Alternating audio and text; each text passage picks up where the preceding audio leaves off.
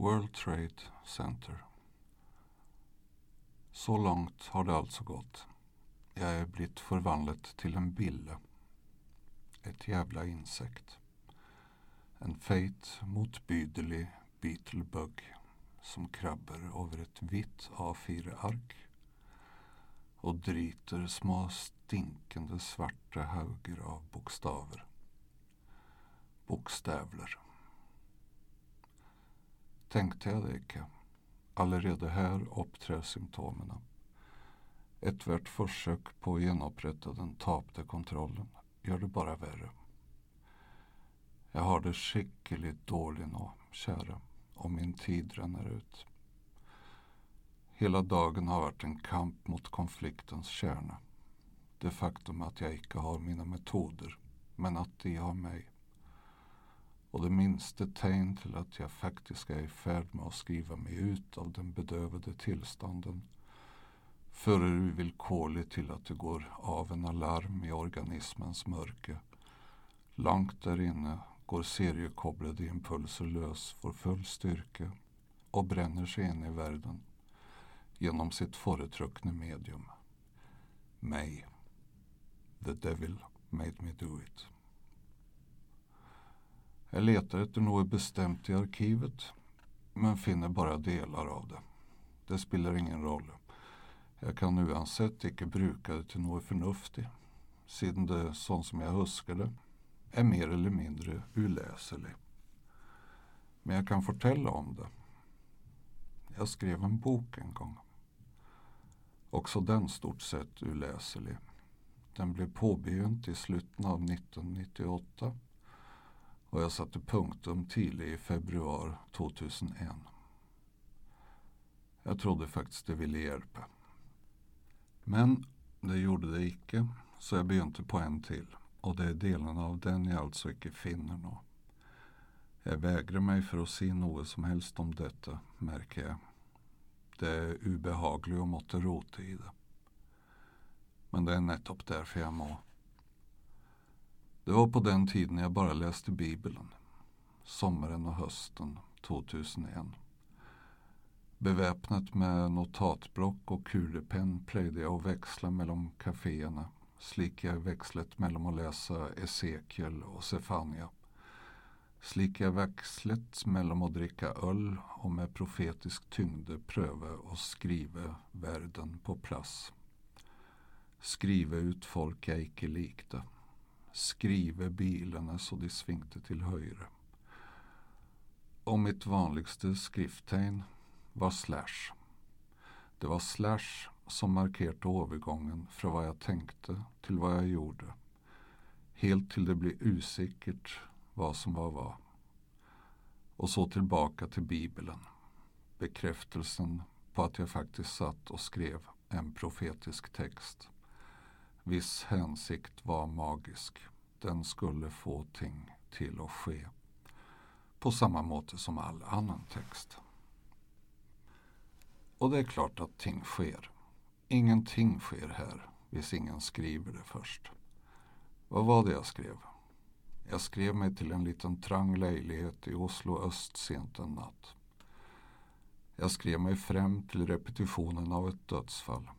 Det var tre män i lägenheten. Nästa gång var det två.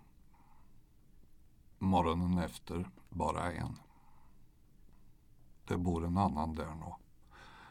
Vi miste någon vi var glada i. Och jag vet att också dessa notaterna var en del av materialet. Så en morgon, tidig i oktober, kom flyen över huset i lav höjde och minnet alla på att världen var blivit ett usikkert städ. Begravelsen var samma dag, men jag var flera hundra mil undan. Lovet mig själv att dra ned över senare och lägga blomster på graven, men jag har framdeles icke gjort det, fem år efter. Jag huskar icke stort av dessa åren. Däremot huskar jag, men icke exakt hvordan, att jag på ett tidpunkt i denna processen vävde in den trista historien om Nej, jag vill inte. Det kan vara detsamma. Jag är i dålig humör. Så dålig faktiskt att både jag och denna aktiviteten här begynner att gå på övertid. För på trots av att manuskriptet eller delarna av det icke låt sig lokalisera blev aldrig detta projekt avslutat. Kanske ligger det på den harddisken som blev förlatt i en snödriva på Näsodden. Eller kanske det ligger på en av de jämmebränte CD-platorna min lille son brukar som frisbee. Virker det som om jag bryr mig något särligt? För hvordan avslutar du något sånt? Du slutar med det, för ellers går du fra förstanden. Men du avslutar det icke. Allt kommer ju till att bli bra. Ja, visst, allt kommer till att bli bra. Men det blir bara tydligare. Som en sjukdom som utvecklar sig via detta förlatte projektet. Att det jag säger och gör icke på långt när har samma effekt som det jag skriver. Och jag är rädd. Jag är verkligen rädd. För jag skriver mig fort in i positioner som truer min fortsatta existens. Sånt som nå. Jag særlig nå. Jag vill icke sitta här och trycka på disse hjelpeløse tasterna. Vill icke. Men tror du ikke att jag har klart att mobba mig ut av all social interaktion och förvist mig själv till denne skärmen? Visst har jag det. Och det finnes ingen annan väg ut heller. Så detta må bara fortsätta och i akkurat denna hysteriska takten här. Sidenalternativet är en långt allvarligare inre och yttre konflikt. Så det bästa ville ju bara varit att bli färdig med det ganska fort. Eller, ändå bättre, aldrig någonsin bli färdig. Det är fan helt uthålligt. Och mangedobbelt mer uthållig siden absolut allt är lika uthållig. Klockan är 18.23 och jag väntar på att batteriet i maskinen ska ge upp. Som att jag har ett påskudd till att agera. Men det står på 34 procent. Kanske det går fortare tomt vis jag hör på musik. Men jag hör ju allerede på musik. Det är ju tekniskt sett en av grunderna till att jag sitter här jag sitter. Själv om det inte har någon direkt sammanhang med resten. Musik är för övrigt en mager tröst, i vart fall den musiken jag hör på. Som ju bara understryker det hopplösa i situationen.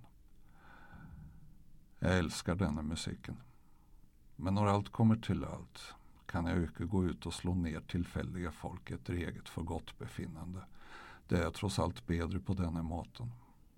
Jag skulle bara önska jag kunde finna ett bittelite fragment av bevissthet som kunde haft en avgörande betydning.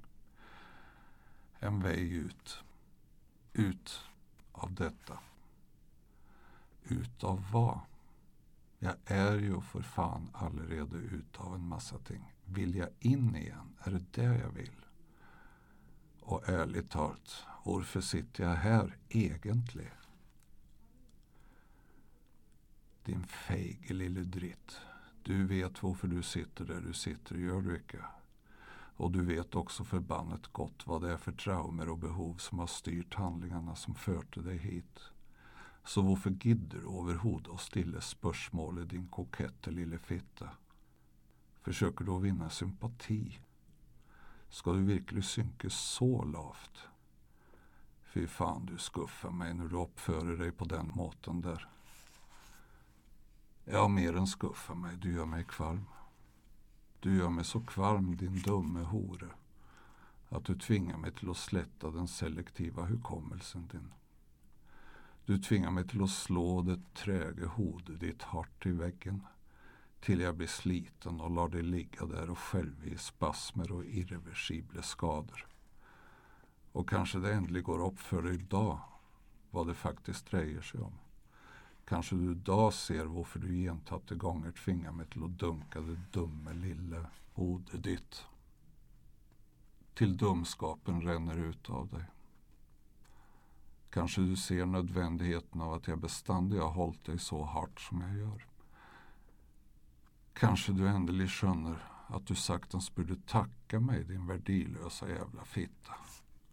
Ja, du borde fan mig gå ner på knä och bara bli där ditt ludder, så att du alltid står klar till att tacka mig.